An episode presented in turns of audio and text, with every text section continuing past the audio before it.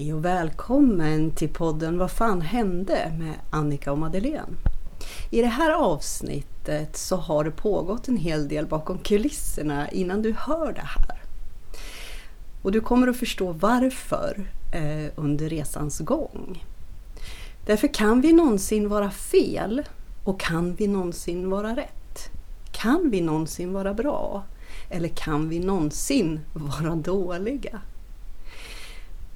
Vi insåg efteråt när vi lyssnade på det här programmet att det fanns saker som vi inte ville dela och det fanns också saker som vi inte ville dela, inte för att det stör oss utan vårt syfte med det här, att podda överhuvudtaget, att ge dig kanske insikter, att väcka upp saker i dig, att göra dig själv nyfiken på dig själv och livet och världen och din omgivning. Att, att kanske få en bredare syn på de sanningar som du tror egentligen är dina.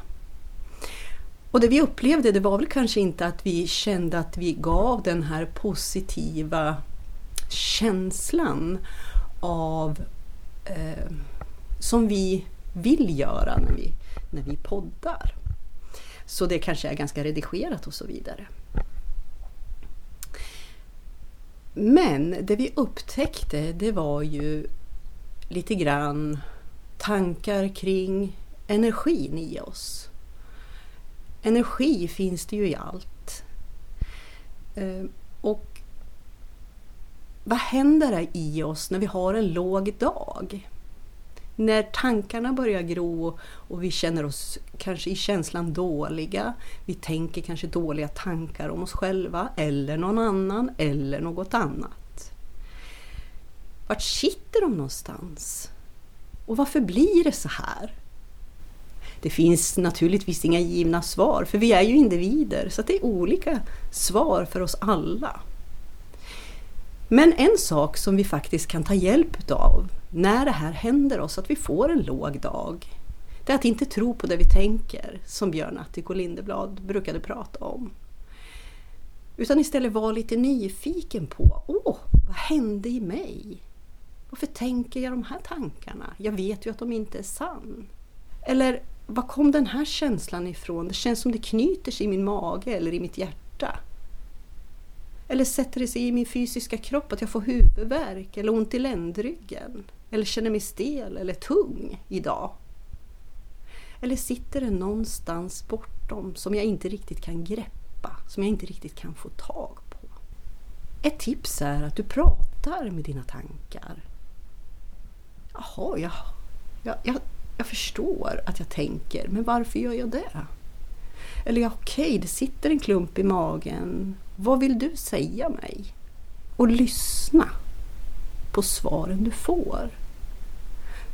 För hela ditt multidimensionella jag, alla dina delar, talar till dig hela tiden. Det är bara det att vi har inte lärt oss det från vi var små. Så det är inte ett naturligt sätt för oss att vara. Men om du börjar bli nyfiken på de här delarna i dig själv, att faktiskt stanna upp, lyssna, inte döma, inte värdera, utan bara med ett öppet sinne. Reflektera, ställ frågan och hör. Vad är det för någonting som händer här inne? Och var snäll med dig själv. Det är inget som bara händer dig, utan det ger, det ger dig en möjlighet att lära känna dig själv på lite mer nyanserade sätt kanske. Så vi hoppas att du kommer att ha nytta och användning av det här avsnittet precis som vår intention är inför varje veckas avsnitt.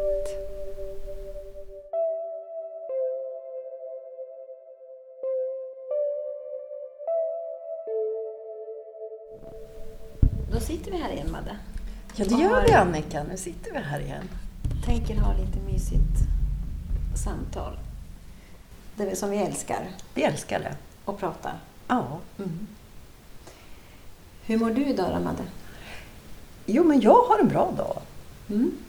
Måste jag säga. Jag har haft flera kreativa dagar. Jag, jag känner att jag har en bra dag. Um, vad har du för dag? Eh, Jag har nog en sämre dag idag. Berätta. Ja, det är ju inte så enkelt, men jag kan säga att fysiskt sett så vaknade jag i morse och var hur trött som helst. Du vet så här, när man bara inte vill att klockan ska ringa och kliva upp. Och det är lite ovanligt för mig faktiskt, även om jag går upp, klockan ringer fem. Men jag brukar inte känna så tungt. Men nu gjorde jag det i morse. Eh, Men till slut så går jag upp och startar för att åka iväg till jobbet. Och den här känslan följer med mig att jag är trött, jag är urrig, jag har ont, alltså jag har obehag. Ja. Och sitter i bilen och det är mörkt och det regnar som vanligt. Men så tänkte jag faktiskt att nej men det här går inte. Jag måste tänka om. För det hjälper ju inte att jag sitter här och är skittrött och irriterad och att det är mörkt. Men så tänker jag, men då sitter jag här och myser i min bil. I min lilla bil. I mörkret. Jag är omhändertagen. Ja, och fikar. Jag har alltid kaffe med mig när jag åker. Jo, men i alla fall, så det var så jag kände när jag var på väg. Men sen, det har liksom, det är någonting som skaver. Jag har bara känt mig svag, tung. Ja, så. Och jag vet egentligen inte riktigt varför. Jag tror att det är samlat. Att jag har samlat ihop liksom saker som jag inte har tänkt på. Jag har sprungit liksom ifrån mig själv lite grann. Eh, och sen, ja det som skulle kunna vara i och för sig, det är att jag faktiskt hade min sista dag på jobbet idag. Och omedvetet då, att jag kanske känner att, ja, att jag är rädd för, eh, rädd tror jag inte jag är, men alltså jag är osäker på vad ska jag göra sen, för jag har massa olika bollar i luften, men ingenting är bestämt. Men det är också det jag själv har bestämt. Så, men kanske rädslan för det då, för att jag vågar ändå samtidigt vara öppen för någonting nytt. Men jag vet inte riktigt vad än. Och så är det ju väl kanske att vara människa. Mm. För måste man alltid vara stark? Tänker jag. Måste man alltid vara på topp? Nej, det måste man ju inte förstås. Och det går ju inte att vara det. Hur skulle det, inne, vad skulle, hur, hur skulle det se ut då? Och jag känner i hela mig när jag säger de här orden, måste man alltid vara stark? För mig så blir det en känsla av kamp på något sätt. Jag skulle nog vilja ha ett annat ord istället för stark. Mm. Kan du komma på något? Vad är ordet, alltså vad är stark, vad innebär det då? Men att alltid vara lycklig, alltid vara glad, alltid känna att man har koll på det man behöver ha koll på. Alltid känna att man är i balans. Alltid känna att man är där liksom. Är det så du ser på en stark, alltså begreppet stark? Att ta sig an livet. Mm. Alltid med ett klart medvetande om mina val eller Mm. vart jag befinner mig med mig själv eller påkopplad liksom. Jag undrar om det inte är så att det är, en, det är många som strävar efter det. Att vara starka för att det är något som många tror att man måste vara. Eh, och det är kanske inte så konstigt för våra samhälle bygger ju på det. Att vi ska vara starka, vi ska klara... Alltså det är jäkligt mycket vi ska klara. Tittar Som vi på, människa. Ja, men och tittar vi på djurvärlden så är det ju sällan eller ett, aldrig ett djur visar eh, svaghet. Att det mår dåligt, att det är sjukt, Nej. att det har ont. Därför att djur i det vilda, en svag individ dör för den Mm. lämnas. Mm. För, om den lever i flock. Mm. För att eh, annars så riskerar den flocken Mm. för yttre hot. Så det finns något existentiellt även hos oss. Förmodligen. Vi är ju också ett djur på ett sätt. Så det är kanske är det som ligger i grunden, att vi ska sträva efter det. Men sen tror jag att sen, vi behöver ju inte på samma sätt som vi, när vi levde på savannen, det påslaget hela tiden. Utan vi, vi kan ju faktiskt um, välja annat idag. Men jag tror att samhället också, vårt effektiva samhälle bygger ju upp mycket av att vi ska fixa så mycket. Ta bara ibland sådana här som jobbannonser. Man ska vara stresstålig, man ska vara flexibel och allt. Prestationsinriktad. Ja. Jag får lite allergi. Och tänk då att jag har en bakgrund, alltså där jag har jobbat med det här. Mm. Ja. Det känns som ett helt annat liv för mig. Mm. Så inte jag idag. Och det är ganska skönt att kunna se det.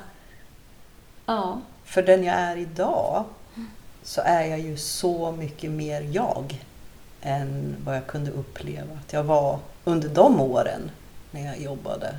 Ja. Men det är också en bra erfarenhet. Ja, absolut. Att ha med sig. Absolut. Det, ju, mm. det känner jag. Jag jobbar ju många år med affärsutveckling, arbetsmarknadsfrågor. Jag var jätteintresserad mm. av naturligtvis politiken. Vi var på Almedalsveckan. Du vet, man har gjort allt det här på något sätt. Eh, men någonting som jag alltid hade med mig där var ju hela tiden en känsla av att egentligen betydde inte det någonting för det inte var på riktigt. Förstår du? Mm. Det som var på riktigt, det kunde vara möten med, eh, med människor som behövde utredas för sin arbetsförmåga till exempel i ett rehabprogram eller som stod där och skulle få ett nytt jobb eller eh, och blivit av med sitt. Och, och, så där någonstans kunde jag känna det. Det är likadant när jag jobbar inom vården nu. Jag är inte intresserad överhuvudtaget av system och chefer och vad de säger att jag ska göra och inte göra. Jag glider omkring bara och möter mina pensionärer och träffar dem och hör vad de säger och får de här fina små stunderna tillsammans med dem. Eh, när jag väljer att vara på det jobbet. Eh, och det ger mig så mycket. Mm. Och det är ett litet förhållningssätt här känner jag. Mm. Ett förhållningssätt. Hur väljer jag att, att se det... på det? Ja men precis, men då tänker jag så här, om vi tänker det här med att vara stark då. Är inte det att vara stark? Att kunna gå sin väg i den här djungeln av ett jobb. Om, om vi säger att du, du jobbar då inne som undersköterska i vården så har ju vården en ram om saker. Alltså det innehåller ju så mycket. Men du går där och gör ett genuint fint jobb med de gamla och sen går ut därifrån och är nöjd. Och det är också starkt att våga, tycker jag, göra det. Att kunna gå sin väg i det här och ändå följa någon form av kompass. Det är därför som jag eh, medvetet väljer att säga upp mig från jobb när jag har haft anställningar. För ju längre jag stannar på ett jobb, desto mer längre ifrån mig själv kommer jag. Därför att jag mer och mer trängs in i ett system med villkor som behöver vara för just den arbetsplatsen. Med människor som inte tänker som jag, eh, kanske alla gånger. Jag ska inte säga att det inte finns, men, men oftast. Och det blir till slut att jag upplever att jag kvävs, jag får ingen luft. Mm. Precis det här du sitter och beskriver för mig nu. Jag har ingen bra dag, jag är trött, mm. jag känner mig nästan lite irriterad, ont i kroppen. Hela jag blir tung. Mm. Liksom. Så det är ungefär som någon drar en våt filt över mig så på något sätt. Och så upptäcker jag att jag börjar döma och värdera och allt sånt här som liksom på något sätt är tungt för mig. Mm. Och då blir jag någon jag inte gillar. Och då måste jag flytta ta mig därifrån, så är det bara. Det går inte. Varken för min egen hälsas skull eller för andra runt omkring mig. Ehm, och då får jag tacka och så får jag gå. Och det är lite det här som du pratar om, den här, vad händer då? För jag har inte varit annorlunda i mitt liv någon gång tror jag, utan jag har nog bytt ganska mycket jobb. Studerat en hel del däremellan. Och haft tre grabbar som jag ska försörja och fostra. Mm. Ehm, det är ett stort ansvar då att kunna ekonomiskt få det att funka. Sätta mat på bordet, ha tak över huvudet. Men jag kan inte på något sätt stanna kvar på det här jobbet där jag får den här lönen för att det kommer inte bli någonting kvar av mig. Det alternativet finns inte. Jag måste hitta en annan lösning. Mm. Och så får man vrida fokus och så får man hitta en annan lösning på något sätt. Och det är precis där du är nu. Vilken möjlighet! Ja, jag har ju valt att vara liksom fri just nu. Alltså frilans, eller vad ska jag säga? Var, eller vara emellan två jobb, Ja. kan jag säga att jag är. Och det ena visste jag var jag gick ifrån och det andra vet jag inte ens vad det är. Och den är ju ovanlig för mig, att våga välja. Men nu har jag vågat och valt det en stund, så får vi se om jag håller ut. För att se vad jag kan, om jag kan frigöra energi, för det är där jag vill, jag vill kunna frigöra energi och kunna känna vart är jag ska lägga fokus. För när jag är i min profession eller mitt andra med det här som du pratar om att vi behöver ha mat på bordet, vi ska betala räkningar, allt vad det är, då är det ju en viss, det går ju åt energi till den delen som inte är så jäkla rolig, men som vi måste göra.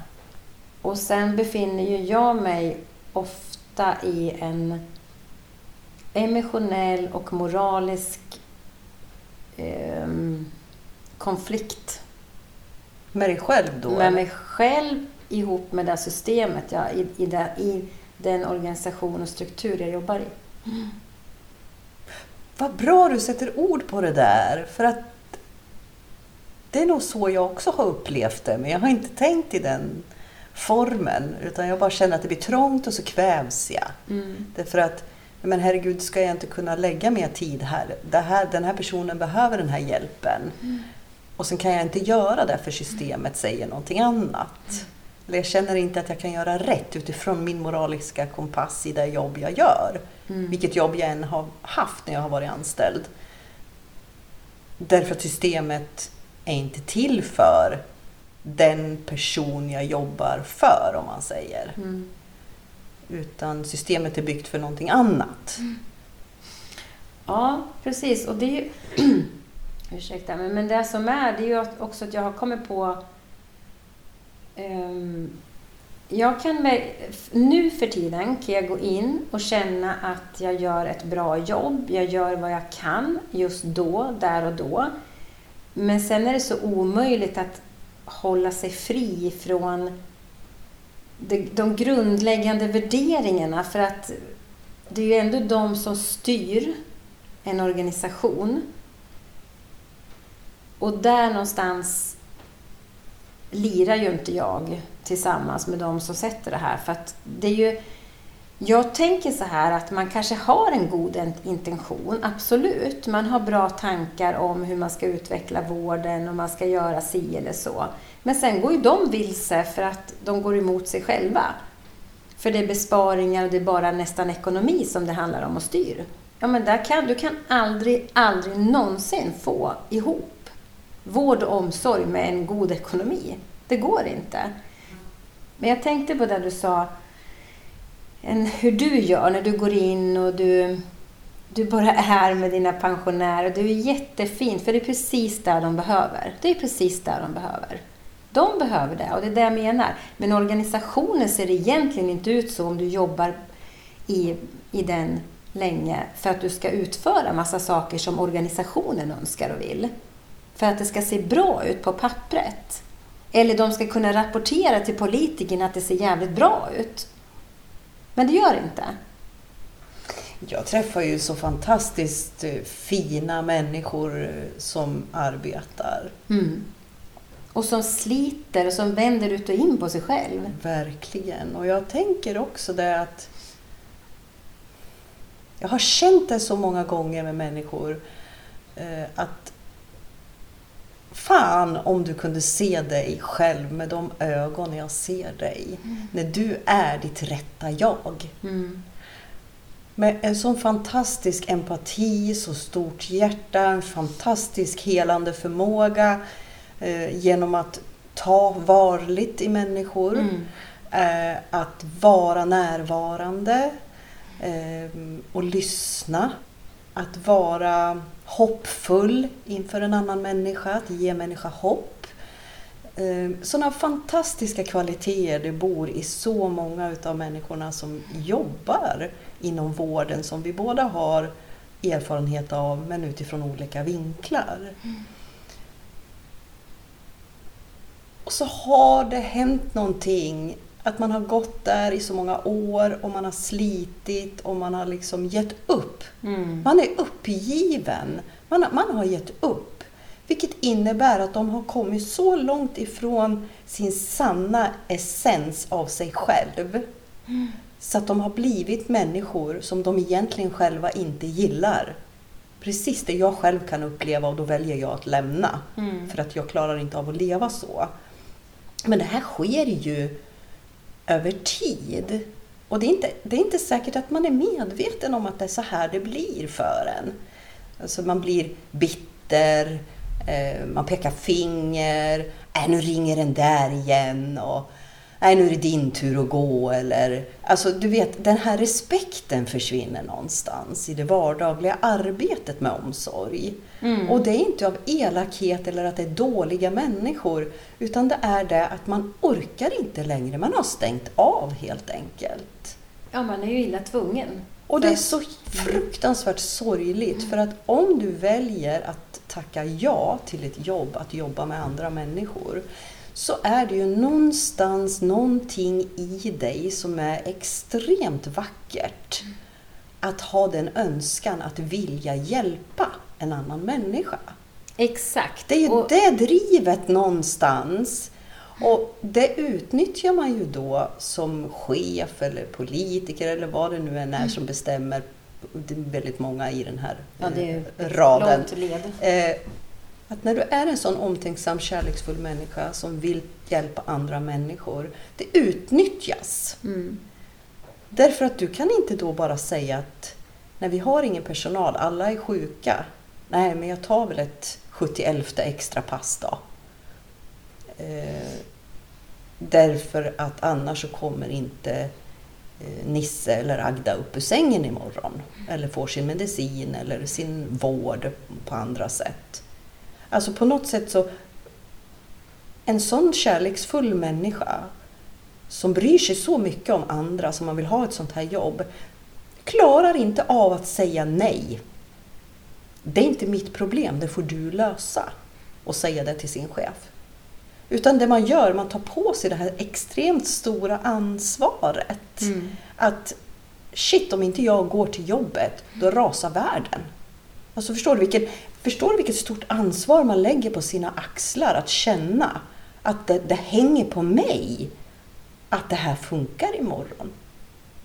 Ja, och jag tänker att det är ju att man lägger det på sina axlar är ju också det är ju också ganska enkelt eftersom det är där som du får signaler till det hela tiden att det är ditt ansvar någonstans. Och det får du ju ifrån ledningshåll, alltså de som sitter ändå på maktpositioner. Eh, de vis, det är ju där de signalerar hela tiden. Det ehm, En förväntan att... Ja, det finns i luften. Det behöver inte vara uttalat alla gånger. Det finns outtalat eller uttalat.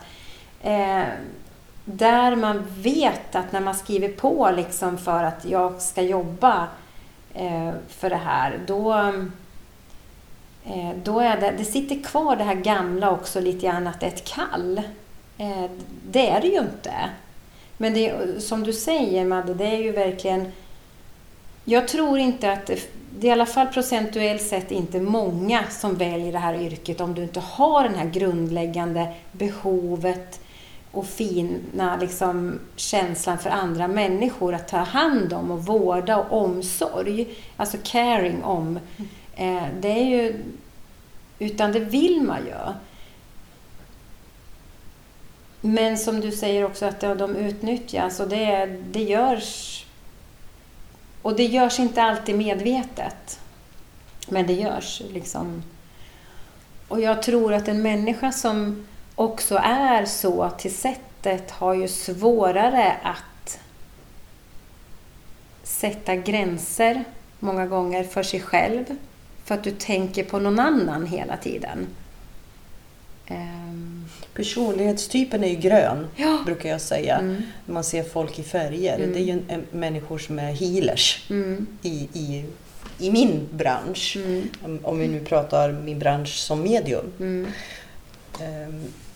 och det är ju människor med extremt stora hjärtan som sätter sig själv sist i ledet oftast i, i, en, i en extrem obalans i sig själv. Då. Har du en mm. större balans i dig själv så har du en större självrespekt. Mm. Vilket du också kan sätta sunda gränser mm. men ändå inte bli avkopplad eh, och inte längre känna empatin. Utan du har ju den där naturligt hela tiden. Men den är ju och, inte enkel. Nej, och det är den... det jag menar. Det är oftast den personlighetstypen som väljer ett sånt här yrke. Vilket också gör att det är lätt att utnyttja sådana människor. Mm. Och, och, så kör man slut på dem och så, och så blir de uh, så långt ifrån sig själv som du någonsin kan komma innan de till slut går i väggen. Mm. Uh, och det, det, är en fruktansvärt sorgligt scenario faktiskt att se det här. Eh, och det gör mig fruktansvärt ont många gånger. Mm. Därför det, det, jag brukar tänka det många gånger på, på arbetsställen, det blir konflikter i gruppen. Eh, det blir en, någon form, och, och, ibland, vissa ställen jag har varit på, så syns det så tydligt hur den chefen sätter det här i system eh, och spelar ett liksom monopolspel med sin personalgrupp. Att man låter gruppen då utöva någon form av makt och ge varandra dåligt samvete hela tiden och peka på varandra. Alltså det blir en väldigt osund arbetsmiljö bland mm. kollegorna. Nej men nu är den sjuk igen. Ja men nu är den sjuk igen. Ja men nu är den sjuk igen. Alltså, till slut, de som sitter runt kaffebordet och hör det här skitsnacket om den som då är sjuk den dagen eh, och pekar finger åt den. Jaha, men nästa gång du är sjuk då? Då kommer hela gruppen sitta och peka finger åt dig. Och alla blir ju sjuk någon gång. Mm. Eller hur? Mm. Varför vänder man inte på det istället? Och stöttar varandra i personalgruppen då? Och säger istället att men vet du vad, jag ser på dig att du inte riktigt mår bra, gå hem med dig. Mm. För att det är en ohälsosam och osund arbetsmiljö. Ja, mm. mår inte du riktigt bra? Nej men du ska inte vara här, gå hem med dig, ta hand om dig, kom mm. tillbaka. Så att vi, vi är rädda om varandra mm. istället. Att det finns en genuin omsorg om varandra också som arbetsgrupp. Och inte faller i den här eh, fällande härskartekniker råder. Alltså mm. det är ju någonting som väldigt många chefer inom vård och omsorg är experter på. Det är härskartekniker och de är luriga. Nu säger jag inte att alla är det, men jag har upplevt det alldeles för många gånger. Mm. Eh, för att inte se att det finns på fler än en plats. Och det, det tror jag inte heller är så medvetet alla gånger när du är anställd. Jag vänder på det istället och så säger jag så att vet du vad, det här är inte mitt problem att lösa. Jag får ringa chef för beredskap. Lös problemet. Du har lön för att sitta på beredskap. Jag kan inte göra någonting åt det här. Hej med det! För jag är så pass stark mm. den dagen. Mm. på tal om att ha bara stark. Där kan jag känna, där kan vi vara starka. Mm. Vi kan vara starka där och säga, vet du vad, det här är inte okej. Okay. Vet du vad, vid kaffebordet, det är inte okej okay att sitta och snacka skit om den som är sjuk. För imorgon kan det vara din tur.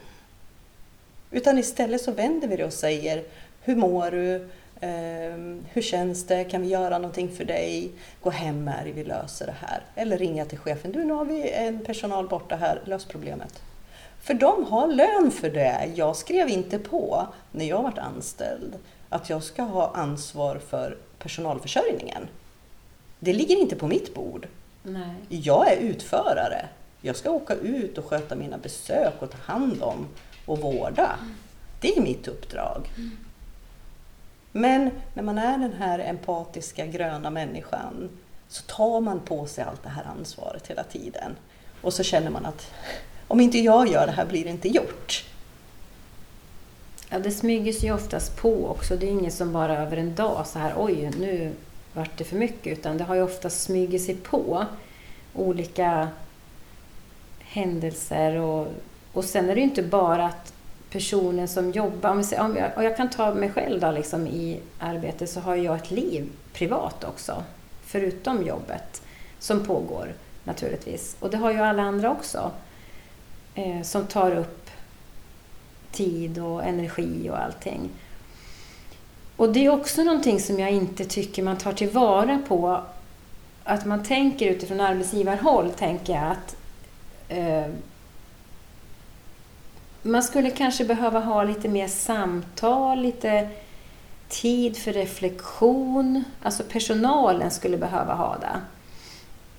Ehm, jag vet att jag har föreläst en hel del och så har jag föreläst lite i, i samtalsmetodik bland annat. Men jag, i den här föreläsningen så har jag också faktiskt ibland då ehm, tagit upp Eh, vad är våra triggers till exempel, för det är någonting som kan orsaka mycket, ställa till mycket besvär. Så får man ta reda på sina egna triggers liksom för att veta eh, vad är det jag behöver eller varför gör jag så här eller så. Men sen också varför går du till ditt jobb till exempel? Alltså det har jag liksom, många gånger brukar jag säga det att om du tar handtaget, kliver in på jobbet, vet du ens hur du mår? Är du medveten om vart din energi ligger och hur du tänker? Vad har du för intention idag? Och när jag har ställt den frågan öppet så tror jag faktiskt nästan inte att jag har fått något svar som att de vet det. Nej.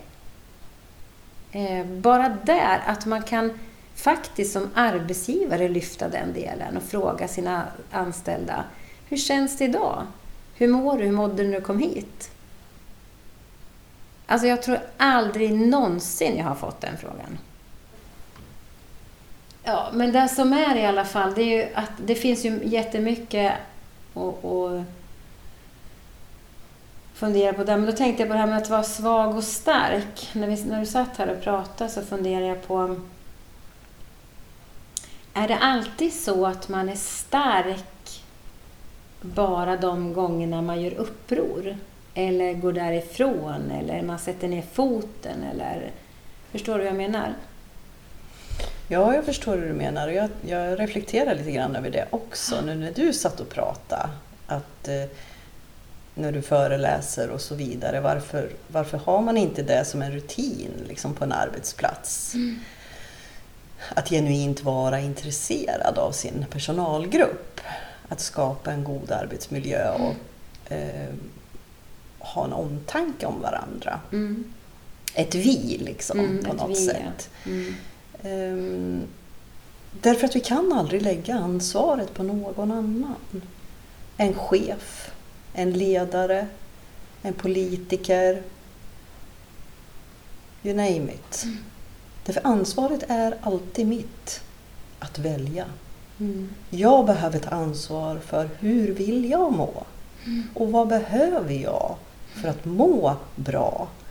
För att orka ha ett liv utanför ett och jobb till exempel. Mm. Som du säger. Jag behöver titta där. Jag behöver ta ansvar för det. För det finns ingen annan som kommer att ta det ansvaret åt dig. Utan du behöver göra det själv. Och det är där vi behöver någonstans, eller behöver, men möjligheten finns för oss att fatta medvetna beslut. Mm. Om det är starkt, om det är modigt, om det är insiktsfullt. Jag vet inte. Mm. Jag kan nog inte riktigt svara på det så med ett ord faktiskt. Men vi kan inte Nej. förvänta oss att någon annan löser våra liv åt oss utan det måste komma från mig själv. Hur mm. vill jag ha det? Har mitt liv varit bekvämt när jag måste fatta de här besluten när jag inte bli, när jag håller på att bli en människa jag inte gillar. Nej, det är inte enkelt.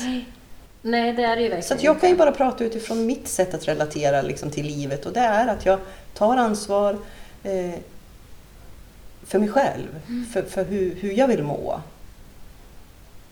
Och sen kan det bli jäkligt besvärligt många gånger och osäkert och skitläskigt och alltihopa. Men vad fan gör man då? När valet inte finns att stanna liksom på något sätt i en situation som, inte, som jag blir sjuk av till slut. Vad är alternativet? För mig, jag är nog fel person att fråga för att det alternativet finns inte för mig. Nej, jag tänkte säga det. Så att jag Det- tror inte att jag är rätt person där att fråga eh, faktiskt. Nej, du är inte representativ för Nej, jag tror inte det. Nej, och det, det är inget som jag kräver inget svar. Jag bara funderar att det, det är ehm, att det är liksom det är svårt. För ibland kan jag uppleva att vi ofta säger att det är starkt att göra så här. Men det är svagt att göra på det här sättet. Fast jag kan tycka tvärtom också. Alltså jag kan, att man liksom, ibland så gör man någonting som andra bedömer som, åh vad starkt, vad modigt och men jag kanske kan se det som en svaghet själv. Ja. Eh, Så att jag... Men, men jag är också, om man ska gå tillbaka till det här lite grann, att vi, där vi pratar om att byta eller ta ansvar för sig själv. Jag försöker verkligen göra det hela tiden. Jag lyckas inte alltid, för jag lägger saker utanför mig själv också. Men det är viktigt för mig att ta ansvar för mig själv. För jag vet att där ligger min styrka och där ligger min frihet. Så jag, ehm, jag väljer ju också att gå när det liksom inte funkar längre. Av någon anledning. Det behöver ju inte vara att... Jag menar, andra kan ju trivas på ett ställe, men jag väljer att ändå gå därifrån för att jag inte passar där. Så det behöver inte alltid vara fel eh, på så sätt, utan men för mig blir det fel. Det är ju min värdekompass jag utgår ifrån och det är där det inte funkar. Eh, Sen kan jag liksom allmänt tycka verkligen att man behöver titta på vård och omsorg, skolsystem och allting. För den, det är alldeles på tok för många människor som mår dåligt i de här äh, stora organisationerna. Men om vi släpper det, för det är ju inget som ligger i våra händer, så kan vi återgå till att prata lite om det här med svaghet, styrka liksom, och kan man, kan man ändra begreppen? Skulle vi kunna säga för du var inne på det i början när vi ja, pratade. men kanske att man är medveten om man är omedveten bara. Mm. Att jag är medveten om att, att jag är kapabel och att jag har en möjlighet att välja. Mm. Eh, Men är jag inte medveten om att det är det jag har, Mm. Så kan det bli en svaghet för dig för att du liksom du hamnar i det här... jag tror att jag är i en beroendeställning Ja. på något sätt. Mm. Eh, Och den är inte skön att vara i. Nej. Nej, det är det verkligen inte. För när man upplever att man är i en beroendeställning, även om det är omedvetet, så föds bitterheten på något sätt. Det, det är en sorg i det, alltså en ilska, en frustration, någonting. Mm. Ehm, Och det är klart eftersom du lägger i Därför, händerna på någon därför annan. att jag, men, men om jag känner att, och förstår och är medveten om att men vad, shit, vad fan, jag kan ju välja här. Mm. Antingen väljer jag ju hur jag upplever min situation. Mm. Jag kan välja att vända tanken och känslan för den. Mm. Eh, och är inte det ett alternativ, då kan jag försöka förändra. Mm. Eh, och är inte det ett alternativ, nej men då får jag lämna. Helt enkelt. Mm. Men valet har jag. Mm. Jag har valet själv. Det ligger inte i någon annans händer. Nej. Och plötsligt så känner man där hur kraften kommer tillbaka, styrkan kommer tillbaka. Eh, Det är en fantastisk eh, sätt att hämta hem sig själv på. Mm. Eh, Och bara wow, nej men nu vet jag, nu förstår jag. Och shit, vart ska jag nu vända mig? Va- Alltså vad är lösningen på det här? Vart ska jag gå någonstans? Inte ha fokus kvar på kanske om det är en situation jag är i, att, att vad jag ska lämna och varför. Utan okej, hur vill jag ha det? Vad vill jag bjuda in istället? Mm. Stark och svag, nej, jag, det, jag tror att det är mer om hur pass medveten är jag om att jag har alternativ, att jag har val. De ligger i knä på mig, Mm. inte hos någon annan. Nej, och vill man nu tänka de här begreppen så kan ju också, det är ju mycket, precis där så tänker jag när du säger så här, så kan ju många få fel uppfattning om att de känner sig svaga Ja. för någonting. Det är en värdering också. Det är en värdering, absolut. Men det behöver ju inte betyda att det är dem det ligger hos. Utan det kan ligga utanför dem. Absolut, för att det handlar om någonting annat. Ehm, och så är det ju ofta. Och det är det som jag tror kan bli svårt för många människor att kanske tro sig att de har makten själva. För du blir ju tilltalad som att, alltså det är så mycket professioner och experter som uttalar sig hela tiden med att så här är det. Eh, ta bara som om du går till doktorn till exempel. Jag tror jag aldrig känner mig så jävla liten och dum när jag går till en doktor. Men jag går sällan, för jag vill inte helst. Men när jag måste så måste jag. Nu kan jag prata för mig, men känslan finns där. Och jag förstår de som inte har den bakgrund som jag, eller kunskapen som jag, och kanske då min självkänsla som jag har, och tilliten, att det blir... De går ut därifrån och tänker, jaha, okej. Och så var det så som doktorn sa. Det är så jag ska göra. Men eh, du har verkligen makten. För om, om du bestämmer dig för innan, det är, det är som jag sa nyss, Fråga dig själv när du går till jobbet, vad har jag för känsla, hur mår jag, vad har jag för intention idag? Vad är det jag vill göra idag? När du går till en doktor, vad är det jag vill ha ut av det här besöket? Och stämmer inte det överens med det du får utav doktorn? Eller stämmer inte det överens med det du mötet du får på ditt jobb eller så, stanna upp, fundera. Fråga. Nej, hur menar du nu? Eller vad hände här? Eller alltså vad som helst. Du kan öppna upp för en dialog istället för att ta det som sker bara per automatik och sen gå vidare. För jag tror att det är där någonstans man går vilse. Så går man vidare med den där obehagskänslan, eller det är någonting i alla fall som skaver. Och så kommer det ytterligare en situation, en ytterligare situation och sen har du inte koll, så kommer du hem och så pågår livet sådär. Och rätt som det är så står du där med den där blöta filten som är som ett täcke, tucken över dig själv och fattar inte vad fan hände här. Det är livet, vad fan det är li- händer? Ja, det är livet. Livet händer oss konstant och hela tiden. Ehm, och vi kan inte hela tiden leva i en påkopplad total medvetenhet Nej, gud nej. om vart jag befinner mig, vad är det som pågår. Alltså det här, alltså det, det, vi är människor. Jag det tror inte att det är menat att vi ska vara där konstant och hela tiden. Ehm, och nu pratar vi ju väldigt mycket om tydliga saker, alltså eh, konkreta exempel. Sen är vi så mycket, mycket mer. Min värld består ju av att jag känner hela tiden. Jag känner när jag kommer in i ett rum, jag känner när jag möter en människa. Och jag känner när jag får en, en förklaring till mig. Den går direkt in i mig. Och direkt vet jag om det här är sant eller falskt, rätt eller fel, för mig. Alltså det, det, det, det är som att det liksom bara ding, det slår på rätt sträng direkt för mig. Och den tillgången har ju heller inte alla människor. Eh, men för mig är den en enorm tillgång. Eh, men också många gånger en utmaning eh, att kunna funka i det här samhället. För om vi nu säger att du är stark och du är medveten så är jag ju där hela tiden även om inte jag tänker så.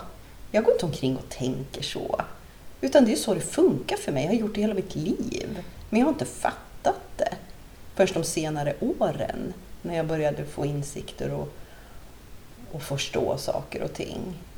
Och då förstår jag ju bättre när mina föräldrar sa, och jag minns när jag var liten, det är ingen idé att säga till henne för att hon gör som hon vill ändå. Och jag försöker, jag försöker känna efter här nu hur jag kan uttrycka det här. för dig som lyssnar, för att det ska bli konkret på, för, för dig på något sätt. Din magkänsla är någonting som jag önskar att alla människor la tid på att lära känna. Ehm, för den hjälper dig och guidar dig rätt. När magkänslan är rätt, för den kan även lura dig ibland. Mm. Kan den göra. Så därför behöver man ju lära känna sin magkänsla. När den står för en sanning och när den står för en rädsla. Mm. För den är snarlik. Rädslan i magen där och din sanning känns ganska liknande. Eh, och det här är inte helt lätt. Nej, ni förstår ju hur svårt det är att vara människa. Den är ju inte lätt överhuvudtaget. Men jag älskar lite grann livet när det blir så här, vad fan hände? Vad fan hände här? Det, jag gillar inte livet så mycket när det händer saker med människor som jag gillar. Eh, och så vänder jag mig om och så bara, vad fan hände med dig? Eller har det hänt något med mig? Ja. Nej, men alltså livet är ju inte enkelt. Det är ju inte det. Men det är ju spännande att på något sätt vrida och vända på saker och framförallt när man märker skillnad. Eh, som jag sa, jag började med i morse när jag åkte så var jag inte alls på humör. Jag var tung, tråkig, usch. Men sen bestämmer jag mig medvetet för att tänka annorlunda. Och då eh, ta min mysstund med min kaffe och jag känner ju i min kropp att det förändras av det lilla. Då förstår man ju om man jobbar mer med sin medvetenhet att det kommer att ske förändringar.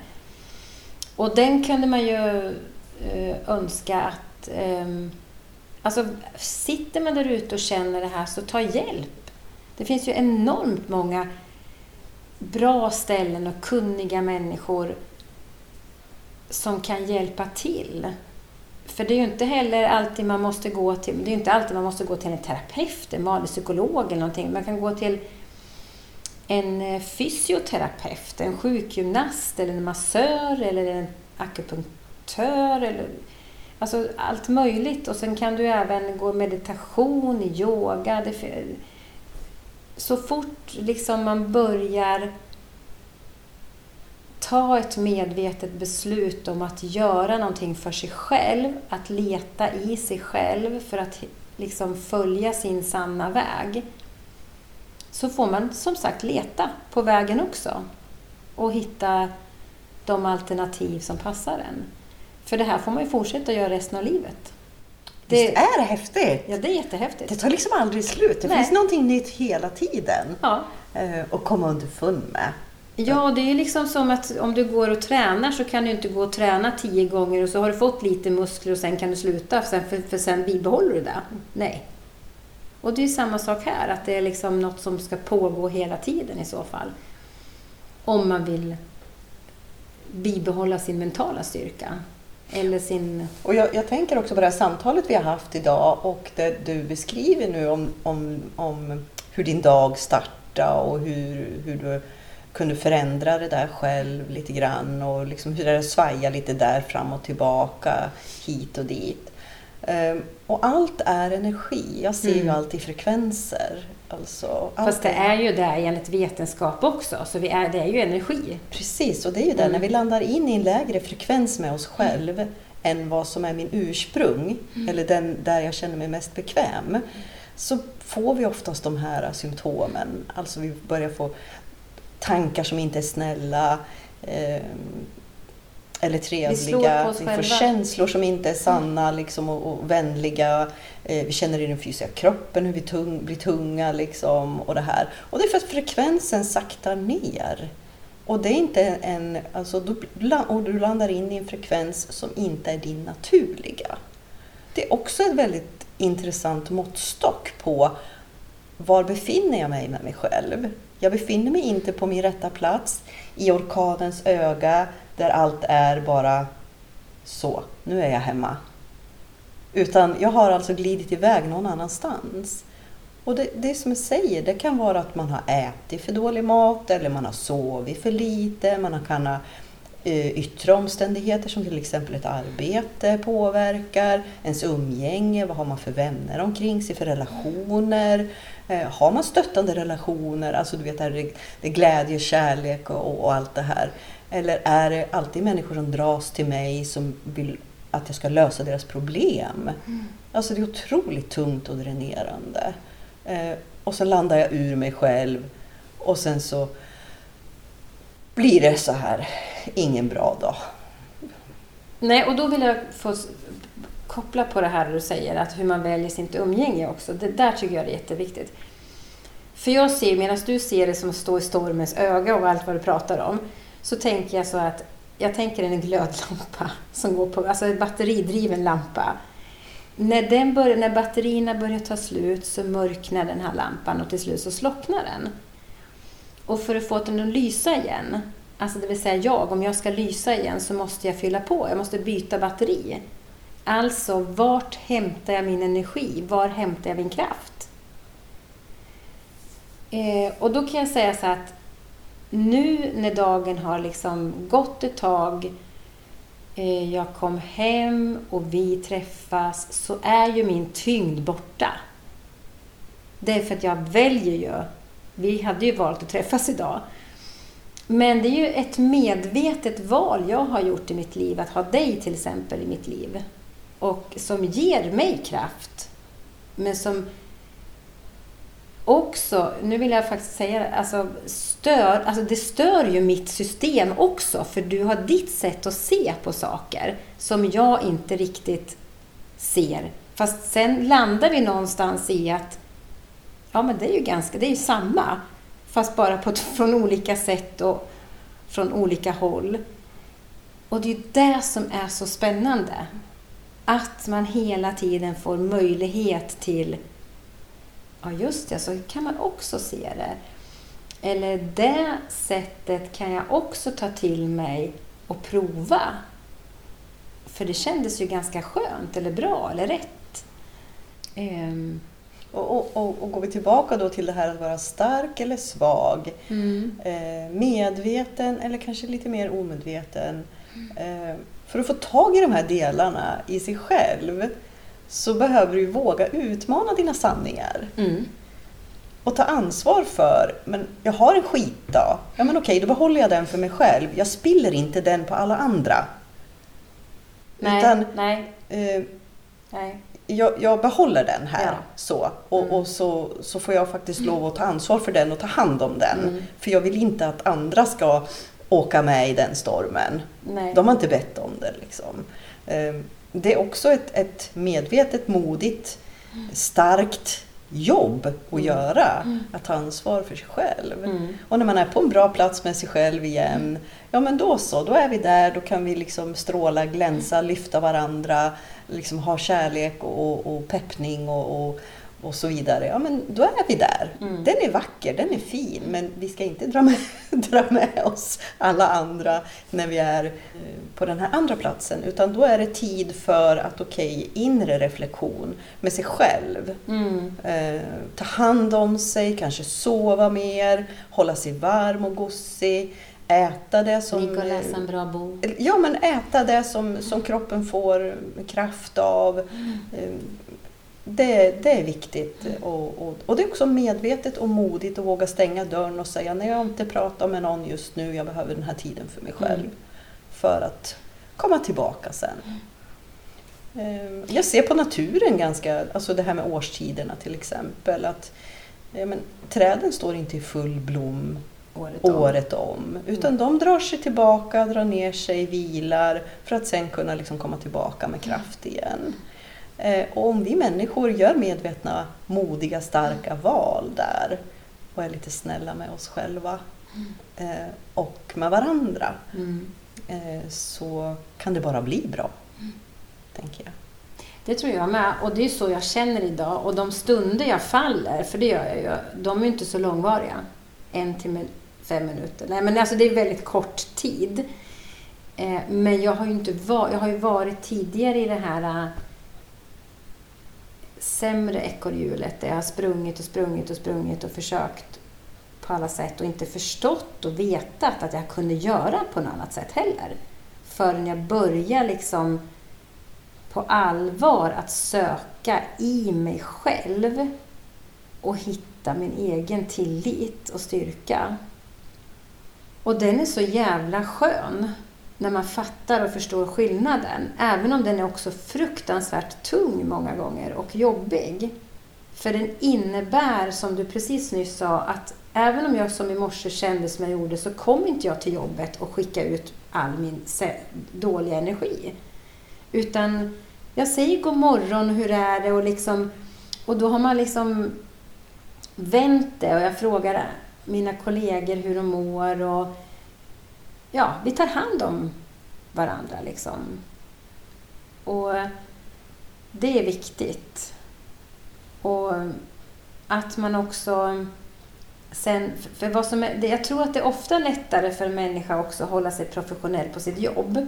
Sen när man kommer hem, då är det desto svårare.